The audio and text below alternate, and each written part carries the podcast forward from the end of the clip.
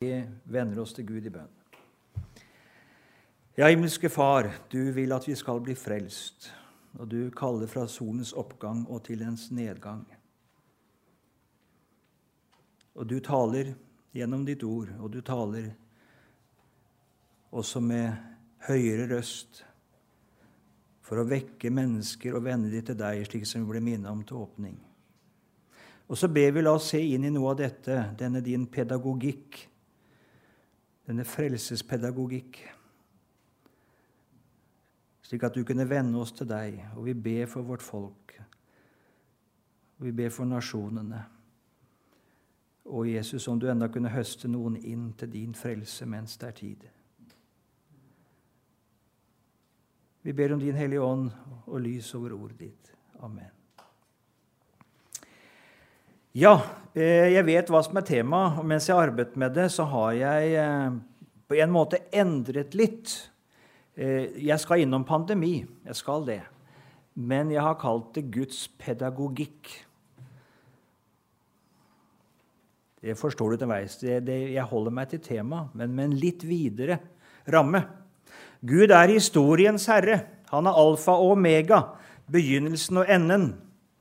Intet som skjer, skjer uten at han enten gjør det eller tillater det. Vi må skille mellom Guds egentlige vilje og hans tillatende vilje. Syndefallet, f.eks., det er ikke villet av Gud.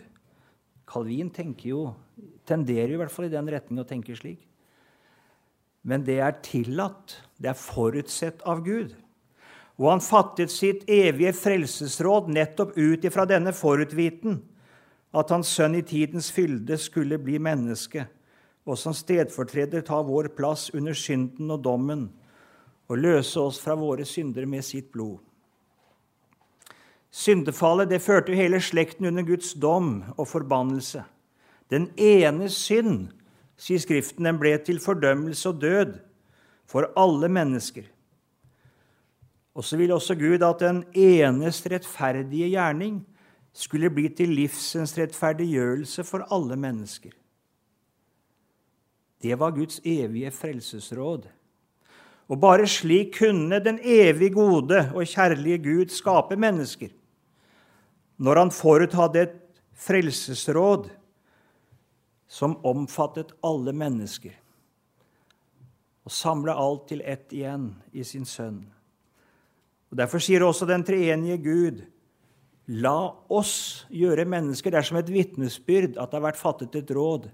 Og så kan menneskene skapes når det er en frelsesplan. Og så kaller Gud og innbyr mennesker til denne frelse.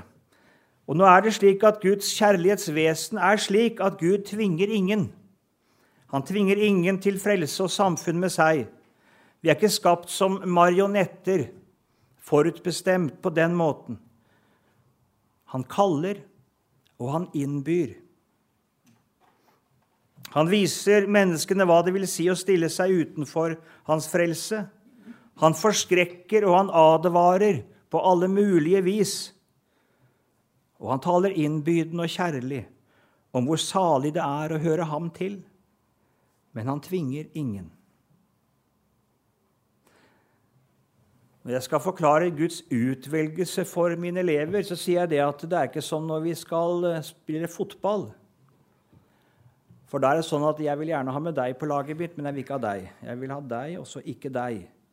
Nei. Men det er sånn når vi innbyr til selskap. Og vi vil ha et stort selskap, og vi innbyr mange. Og så får vi høre at den nei, han kan ikke, han skal noe annet, og den vil det, og det passer ikke. og så og så nøder vi. Vi vil så gjerne de skal komme. Og sånn er Guds utvelgende nåde virksom. På organisk måte at han nøder, og han kaller, og han innbyr, og han drar. Og der hvor denne kallende gjerning når sitt mål, der blir mennesket utvalgt.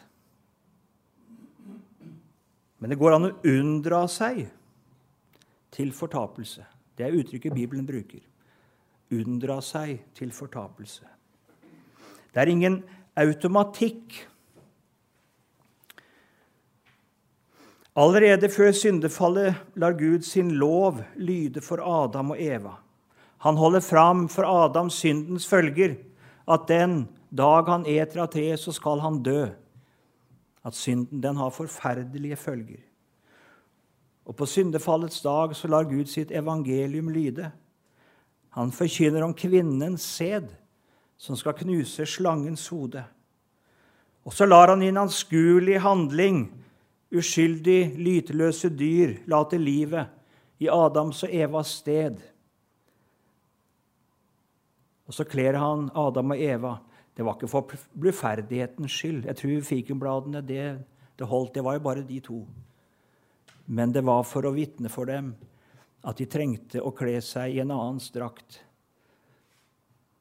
En lyteløs drakt for å skjule sin skam og sin synd.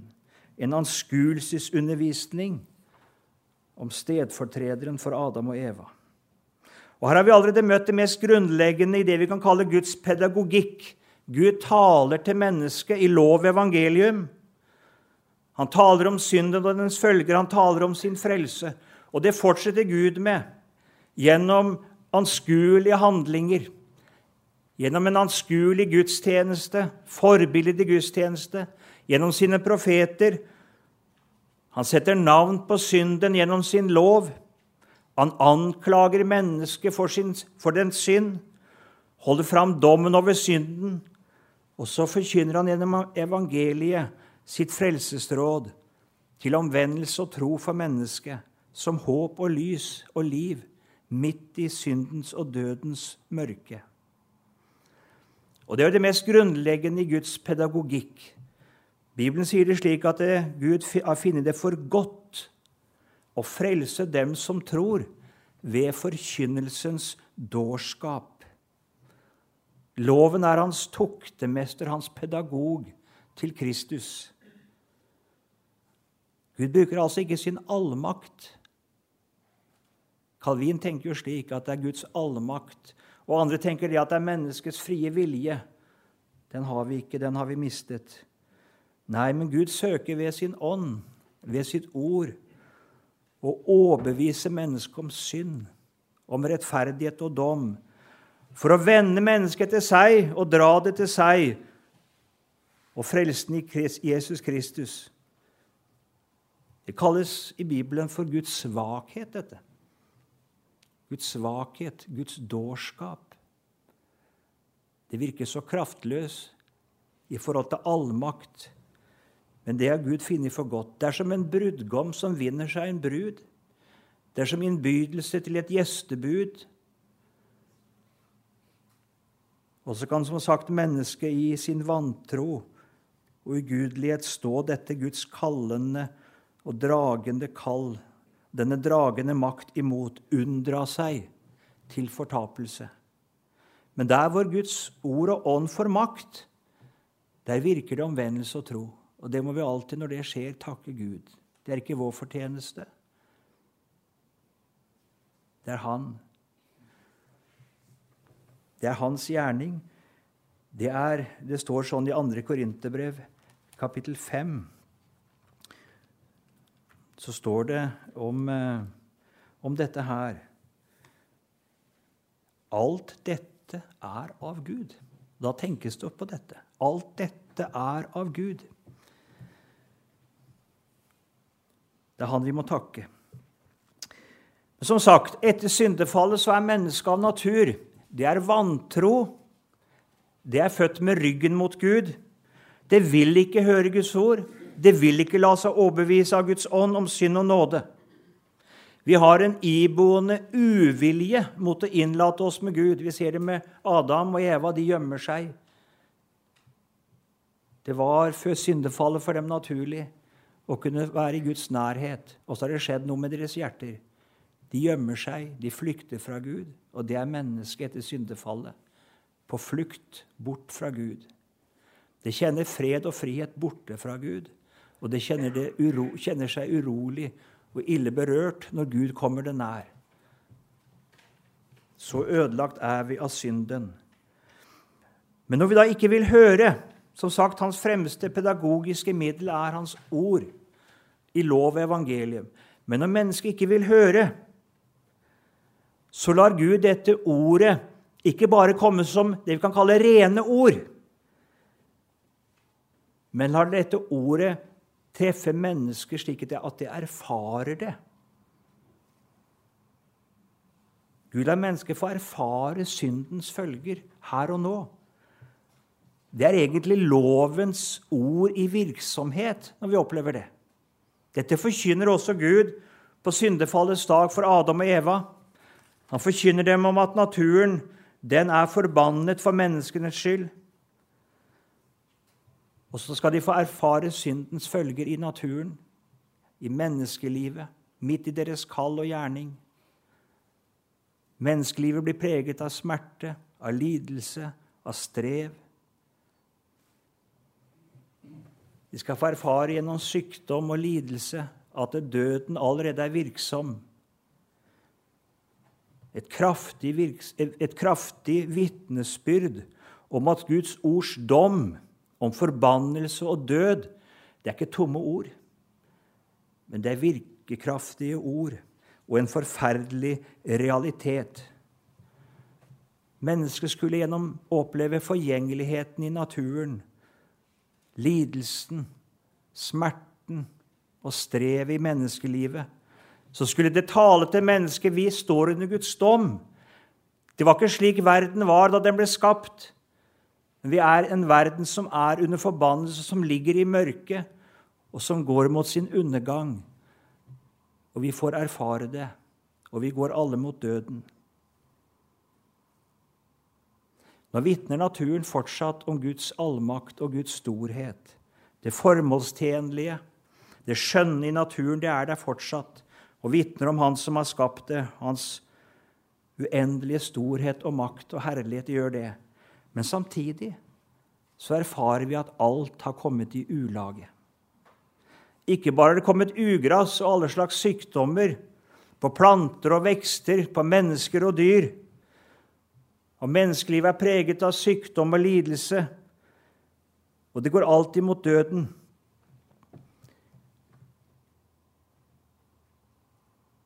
Alt dette vitner om at det er ikke slik som det var. Det vitner om at vi går mot en undergang. I åpenbaringsboken tales det om seil som åpnes på framtidsboken. Det åpner for domskrefter som går over jorden. Det taler om fire ryttere. Vi leser om det samme i Zakaria 1 og 6. Mye av det samme, noe av det samme bildet. Jeg tenker slik at disse seilene de åpner for krefter som nok har vært virksomme helt ifra syndefallets dag. Det er, det er eh, moment, vi skal kalle det, altså det er fenomen som vi har opplevd helt fra syndefallets dag. Rytteren på den hvite hest. Vi synger jo en sang 'Seirende for å seire', men jeg tror kanskje at det er det som Jesus taler om. Falske profeter og falske Messiaser. Den falske Kristus. Det er domskrefter vi møter her villfarelsen fordi man ikke tok imot sannheten, kjærlighet til sannheten, så sender Gud villfarelse, så mennesket tror løgnen. Og så kommer den røde hest med krig og terror. Og så kommer den svarte hest med dyrtid. Og så kommer den gulbleke med døden, med sverd, hungersnød og pest. Disse rytterne har ridd over jorden gang etter gang etter gang gjennom historien. Og De kommer i en, en, en naturlig følge. De har fulgt hverandre. Jeg kunne tatt eksempler fra vår nære historie, men jeg skal ikke gjøre det nå. Jeg gjør det for elevene når vi gjennomgår dette. Dette har mennesker møtt til alle tider, og vi gjør alt vi kan, og det er ikke noe galt i det, for å dempe disse syndens følger. Vi opplever villfarelse og avgudsdyrkelse, og så søker vi å gjennom kunnskap og opplysning å bekjempe vantro og villfarelse. Vi søker å få slutt på krig med fredsskapende tiltak og nedrustning, allianser og forsvar. Vi søker å hindre hungersnød og dyrtid gjennom bedre økonomiske ordninger og bedre dyrkningsmetoder, få bukt med ugress og sykdom. Vi søker å hindre pest og pandemi og annen lidelse med medisin og legehjelp. Og så opplever menneskeslekten det, at det framgang på ett område det ødelegges snart av et tilbakeslag. For over 100 år siden så sa man det at nå skulle vi gå inn i fredens århundre. Barnets århundre. Vi var liksom lagt bak oss det som hadde vært før, av at man var så primitiv at man gikk til krig. Og så smalt det i Sarajevo, og så vet vi hvordan det gikk. Både første og andre verdenskrig. En grusomhet, en bestialitet som vi aldri har sett. Med konsentrasjonsleirer, Først skyttergravskrigen, den første, og altså en forferdelig brutalitet, og så den andre verdenskrig, som toppet det enda mer. Vi fikk penicillin, som gjorde et voldsomt eh, var et voldsomt tiltak, altså, eller en, en, en medisin imot epidemier av ulike slag. Så vi får vi tilbakeslag. Og snart har vi resistente bakterier som gjør at penicillinen snart har mistet sin effekt. Og Sånn er det på ene området etter andre. Og Det er gudvillet det at vi skal prøve å hjelpe mennesker i alt dette her. Og allikevel disse syndens følger de kommer til å følge oss. Vi må ikke tro det. Jeg hørte Støre si det at nei, vi i Europa vi burde kunne finne andre måter enn å gå til krig. Han tenkte på det som skjer i Ukraina. Ja, Sånn tenkte man også for over 100 år siden. At det er, det er noe som ikke hørte den siviliserte verden. Vi er, vi er kommet lenger i utviklingen. Nei. Menneskehjertet er det samme. Og det går nok heller fra ondt til verre enn til det bedre, frykter jeg, på det området. Men, som vi også hørte til åpning, det mennesket ikke forstår når alt dette skjer Når det møter altså krig og dyrtid og pest og villfarelse på alle mulige områder, så forstår de ikke at det er Gud som legger sin hånd på mennesket. At det er Gud som taler, ikke bare gjennom ordet her, men lar dette ordet være virksomt i menneskelivet, i naturlivet, i samfunnslivet, for å vise mennesket hvordan det går uten Han og uten Hans frelse. Og her er pandemien vi opplever, en del av denne Guds tale til oss. Nå er den ikke så sterk, denne pandemien. Svartedauden var nok langt sterkere, selv spanskesyken. Man sier at spanskesyken tok livet av minimum 17 millioner. Noen sier 50 og noen 100. I Norge var det 15 000-16 000 døde. Med den befolkningen så skulle altså i dag så burde det vært en 50 60 70 000. Så vår tids pandemi er som ingenting mot spanskesyken, både i Norge og internasjonalt.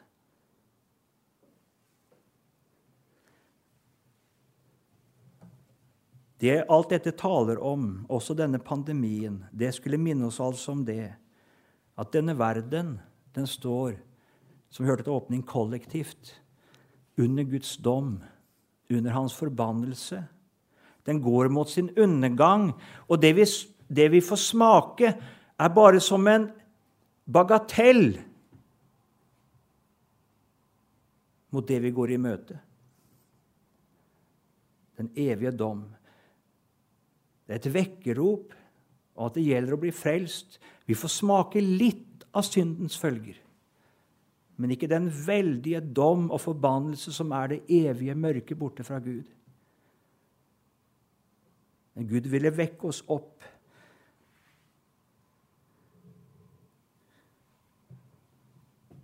Hvis ikke mennesket vil høre disse, det vi kan kalle mer alminnelige syndens følger, så høyner Gud røsten enda mer. Da kan du lese videre åpenbaringsboken. Da er det tale om basuner. Basuner brukte man i Israel når det virkelig var fare på ferde. Når det gjaldt å samles, for nå var katastrofen nær. Vi har jo Sivilforsvarets sirener, er nå den samme hensikt. Nå er det fare. Nå gjelder det å våkne. Nå gjelder det å gjøre seg klar.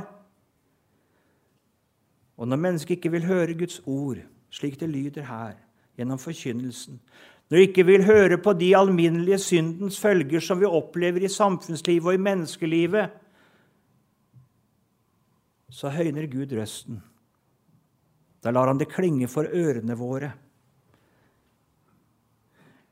Når det er som seilene, disse alminnelige syndens følger, hvordan takler menneskene det? Les det femte seilet. De hørte martyrenes blod, martyrenes sjeler som roper til Gud.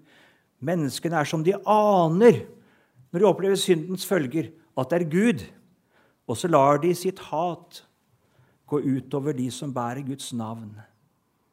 Om det er jødene som folk, eller er troens folk. I stedet for å la seg omvende, så vendes fiendskapet og bitterheten seg mot Guds folk, de som bærer Hans navn.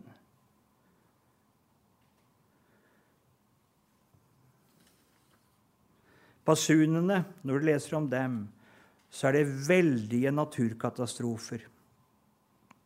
Det sjette seilet det er jo da også naturkatastrofer som har inni seg, i sin fulle konsekvens, jordens undergang. Basunene er en liten forsmak på det. Det er naturkatastrofer som rammer de ulike både ferskvann og saltvann og, og himmellegemer. Det har vel også alltid vært der. Vulkanutbrudd og miljøødeleggelser. Men de skal altså øke, forstår vi, i hyppighet og i omfang. Det er som veier, taler Jesus om, før, før forløsningen. Fra de første kynnere og til fødselsriene så er det etter sitt, etter sitt vesen det samme som skjer. Men det blir sterkere, og det blir hyppigere. Så har det vel alltid vært flommer, tørke et sted og flom et annet sted, vulkanutbrudd, meteorfall,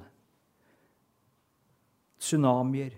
Men i endens tid så skal dette tilta, både i styrke og i hyppighet. Det skal bli et dominerende fenomen, ser det ut for meg, når jeg leser om disse basunene.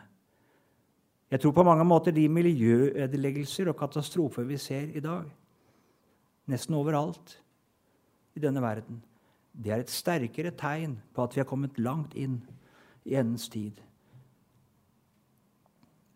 At Gud ryster jorden.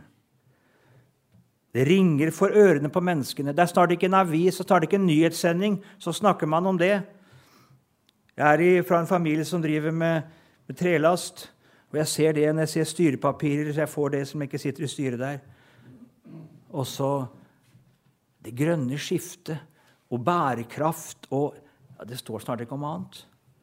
Det er, liksom, det, det, er, det er øverst på dagsorden. Vi tror vi skal redde verden på denne måten. Vi opplever de forbannelser som 5. Mosbok 27 og 28 taler om. Vi opplever dem så sterkt og så kraftig. Men ingen forstår det som skjer i lys av Guds ord. Svært få forstår det. Selv ikke blant prester og predikanter er det mange som gir røst til dette og sier at det som vi opplever, det er et veldig vekkerrop om at denne verden den går mot sin undergang. Gud lar det ringe for ørene våre gjennom det som skjer, fordi ingen lenger vil høre dette ordet og leser det. Så lar Gud naturen tale. Han lar virkeligheten tale. Men alt ses i et horisontalt lys. At det som skjer, det skyldes at vi bruker for mye fossilt brennstoff. Det skyldes det ene og det andre og det tredje og det fjerde. Ja, ja, jeg sier ikke at ikke det ikke kan ha noe med det å gjøre, men det er ikke det som er den grunnleggende årsak.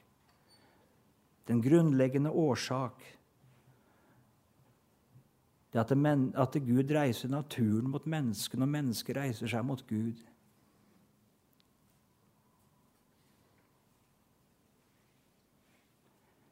Når du leser 5. Mosbok 27 og 28 om de forbannelser som skal komme over mennesket pga. dets synd, så er det nettopp altså Det er tørke, det er flom, det er krig, det er sult, det er hungersnød, det er mange sånne ting.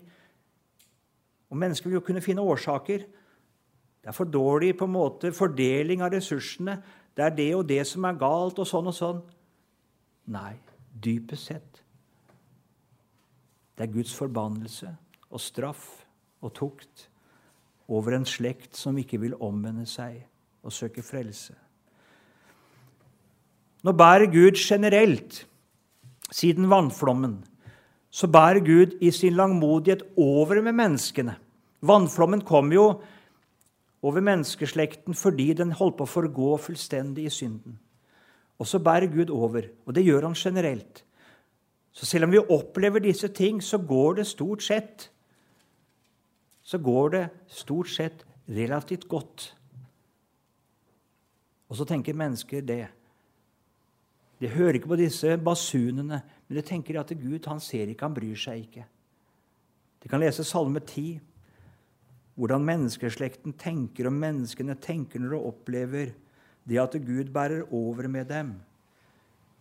Salme 10 fra vers 2.: Den ugudeliges overmot forfølger de elendige, mens de selv blir, men de blir selv fanget i de onde råd de er uttenkt. For den ugudelige roser seg av sin sjels onde lyst. Han velsigner den griske og ringakter Herren. Den ugudelige sier med hovmodig mine, han hjemsøker ikke. Det er ingen plass for Gud i alle hans planer. Han har lykke med seg på alle sine veier. Dine dommer er i det høye, ute av syne for ham. Han håner alle sine motstandere. Han sier i sitt hjerte, 'Jeg skal ikke rokkes'.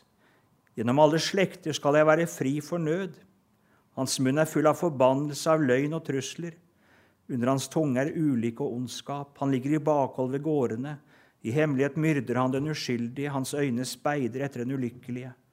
Han ligger på lur på sitt gjemmested, like som løven i sitt skjul. Han lurer for å gripe den elendige, han fanger den elendige og drar ham inn i sitt garn. Han bøyer seg, dukker seg ned, og for hans sterke klør faller de vergeløse. I sitt hjerte sier han, Gud har glemt. Han har skjult sitt ansikt og ser det aldri. Slik var det Noah, i Noas dager, og slik er det mer og mindre i våre dager. Menneskene kaster seg ut i et uhemmet syndeliv. Og det tenker de at Gud bryr seg ikke. Ja, han velsigner det som han sier i sitt ord at han forbanner. Det står jo både kirkeledere og prester og biskoper fram og sier. Hva gjør Gud da? Hva gjør han da? Når mennesket tross alle hans advarsler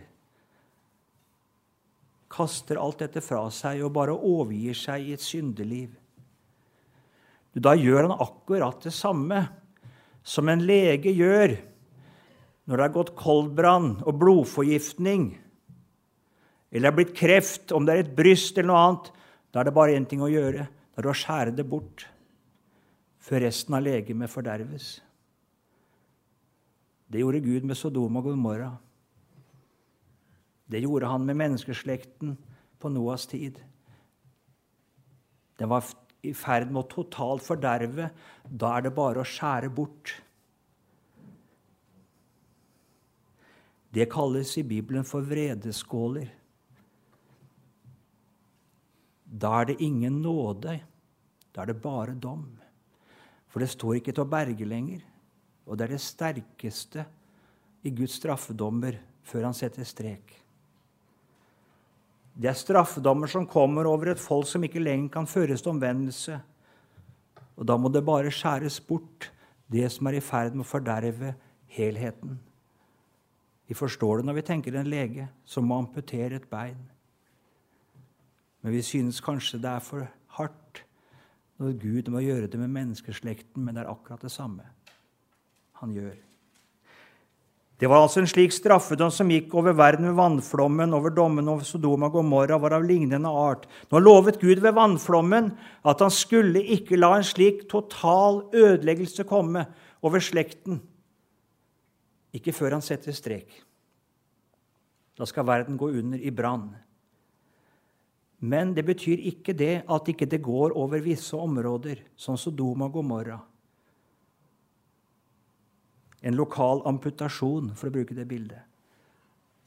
for at ikke Elikanans folk det måtte skjæres bort, så ikke det skulle forderve hele, hele slekten.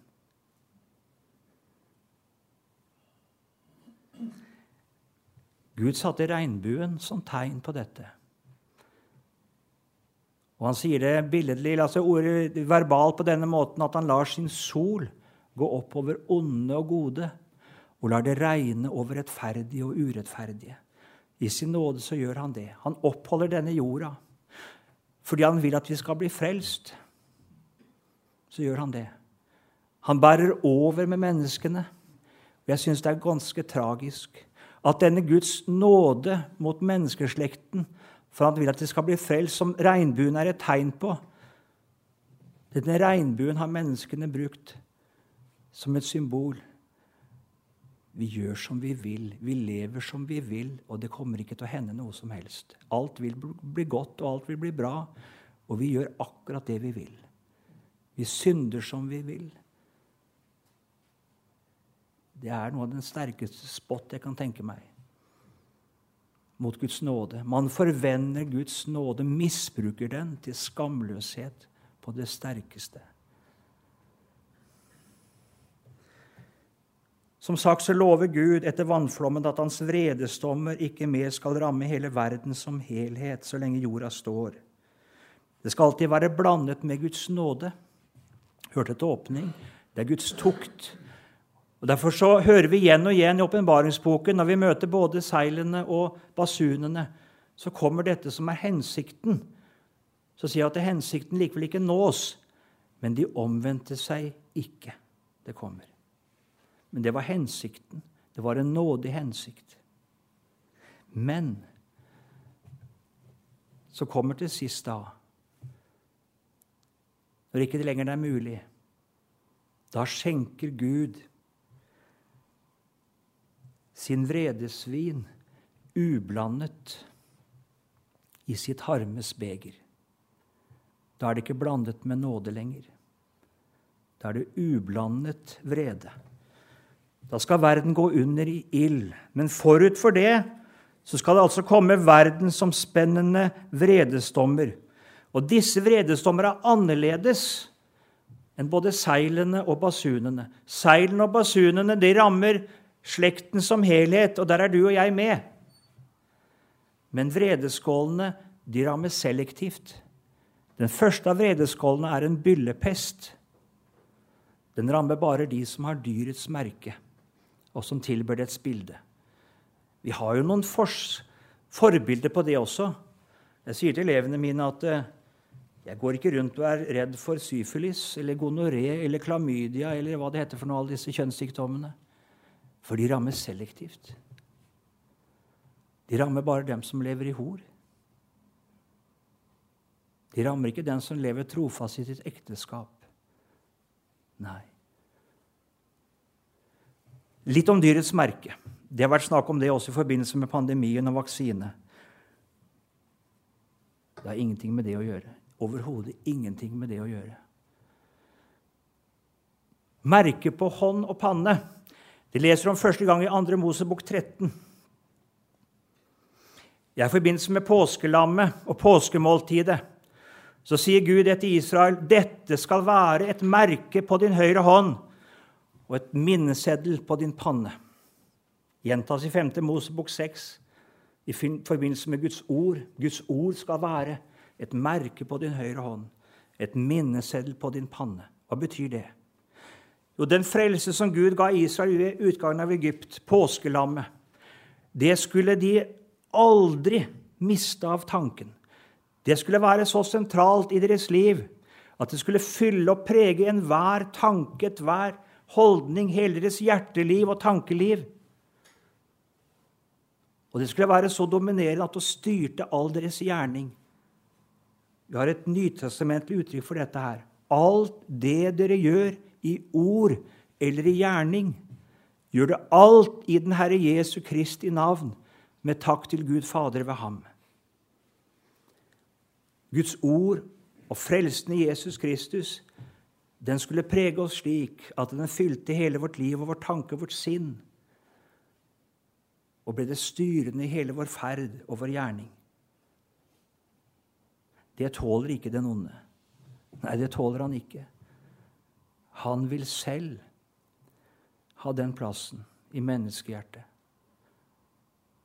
Han vil at vi skal tenke hans tanker, og vi skal gjøre hans gjerninger. Og gjør du ikke det, så skal du boikottes. Dere kjenner til det. Jeg leste om et sveitsisk familieselskap som drev, produserte sjokolade. Hadde i mange, mange år hatt kontrakt med det sveitsiske flyselskap. Så ble det bare for kort stund siden skrevet på Facebook. Det er en kristen familie, de er imot homofili. Og det sveitsiske flyselskap kansellerte alle bestillinger. Boikott. Skal ikke kjøpe og selge fordi de vil ikke bære dyrets merke. De vil ikke tenke dyrets tanker og gjøre hans gjerninger. Jeg leser sikkert om den konditoren borte i Storbritannia som ikke ville levere kake til noen som skulle inngå homofilt partnerskap. Og samme krav om boikott. Det er det det er tale om. Det er ikke vaksine eller strekkoder eller eller kort, eller hva det har vært tanker om. Nei, det er dette å følge tidsånden og la seg prege av den og gi etter for den. Og vil du ikke det, så skal du boikottes. Så skal du stenges ute fra arbeid. Vi leste om disse jordmødrene borte i Sverige som ikke fikk arbeide fordi de ikke kunne være med å ta abort. Det er akkurat samme åndstankegang. Det er dyrets merke. Så var det nevnt, så ikke vær redd for å ta vaksine av den grunn. Det stilles ikke krav om bekjennelse eller, eller noe avsverdning ved den. Det gjør ikke det. Ja, hva skal vi da tenke til slutt om den pandemi vi opplever nå? eller om de naturkatastrofer og miljøødeleggelser vi ser. Jo, som blir minnet opp til åpning, Gud kaller til omvendelse. Han ryster både mennesker og natur for å fortelle oss det at denne verden den går mot sin undergang. Vi står under Guds forbannelse og dom, og en gang så skal vi stå for Hans ansikt og svare regnskap for vårt liv. Og da gjelder det å søke frelse mens det ennå er tid. Sodomas og Gomorras synd det var noe lokalt. Det preget ikke verden som helhet. Så kunne dommen være lokal. Det frafall vi opplever i dag, det er langt mer verdensomspennende karakter. Opprøret mot Guds skaperordninger. Pervers seksualitet som hovedkjennetegn. Det preger snart hele verden. Og Et annet hovedkjennetegn er at verdene kan ikke tåle at synden forkynnes som synd, og at Skriften holdes fram som den eneste sannhet. At Bibelens Gud er den eneste sanne Gud. At det ikke er frelst i noen annen enn i Jesus Kristus. Det strider totalt mot vår tankegang. Du kan mene det, og jeg kan mene det, og du kan Helt fint, men si bare ikke at du forkynner sannheten og at Jesus er sannheten, og at hans ord er sannheten. Én sannhet blant mange, helt greit, men ikke den eneste sannhet. At det er noe som er synd og ondt, og noe som er rett og godt. Nei, det tåles ikke. Du kan nesten mene hva du vil, så lenge du lar andre få mene hva de vil, uten å si at det er galt. Men kaller du det omvendelse, og at det er ikke gitt noe annet navn under himmelen som vi kan bli frelst ved en Jesu navn. Det kan ikke tåles i vår tid. Det gjelder ikke bare Nord-Korea eller Kina eller Midtøsten. Det gjelder like mye den vestlige verden.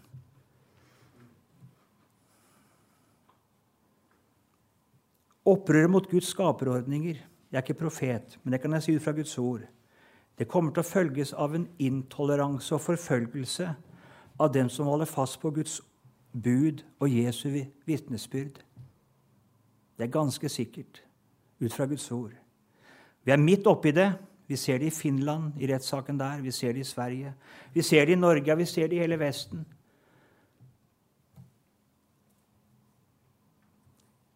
Det opprøret mot skaperordninger det, det gjør det at du og jeg må si det hvis vi skal være tro mot Guds ord.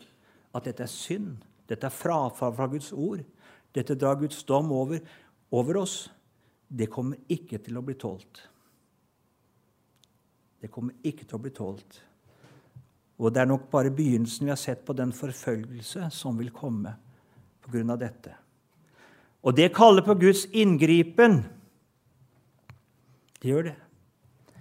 At han griper inn til frelse for sine og til vredesdom over det som er fordervet og ikke lenger kan la seg lege. Jeg tror vi nærmer oss det. Denne verden skal ikke forgå fordi den er utslitt pga. miljøødeleggelser og forbruk. Nei, Bibelen sier det at når, skriften, eller, eh, når, når, Bibelen, nei, når verden går under, så skal det være som, om, som når himmelens stjerner ristes av sterk vind og faller ned på jorda, som et umodent fikentre. Altså, Fikentreet var ikke moden, så nå datt det ned mer fordi det var tiden for det. Nei, det kommer en ytre påvirkning, en sterk vind, som får det til å riste og falle ned før tiden. Denne verden skal kollapse før tiden fordi Gud lar det skje. Ikke fordi den er gammel og utslitt og forbrukt. Det er fordi Gud setter strek. Han setter strek når ikke lenger noen kan frelses. Vårt kall i denne tid det er ganske enkel, så vanskelig den er. Jeg pleier for elevene mine å ta Titanic som eksempel. Det ville ikke være så mye mening å springe rundt og så gjøre noe med inneklimaet. I og for seg ikke å gå til pumpene når Titanic holder på å gå under. Nei, da gjelder det én ting. Det er å få mennesker i livbåten. Og det er vårt kall i den tida vi er. Det er å kalle mennesker til frelse i Jesus Kristus. For denne verden går under. Det er bare et tidsspørsmål. Og det er bare én frelse. Det er å komme i livbåten. Amen.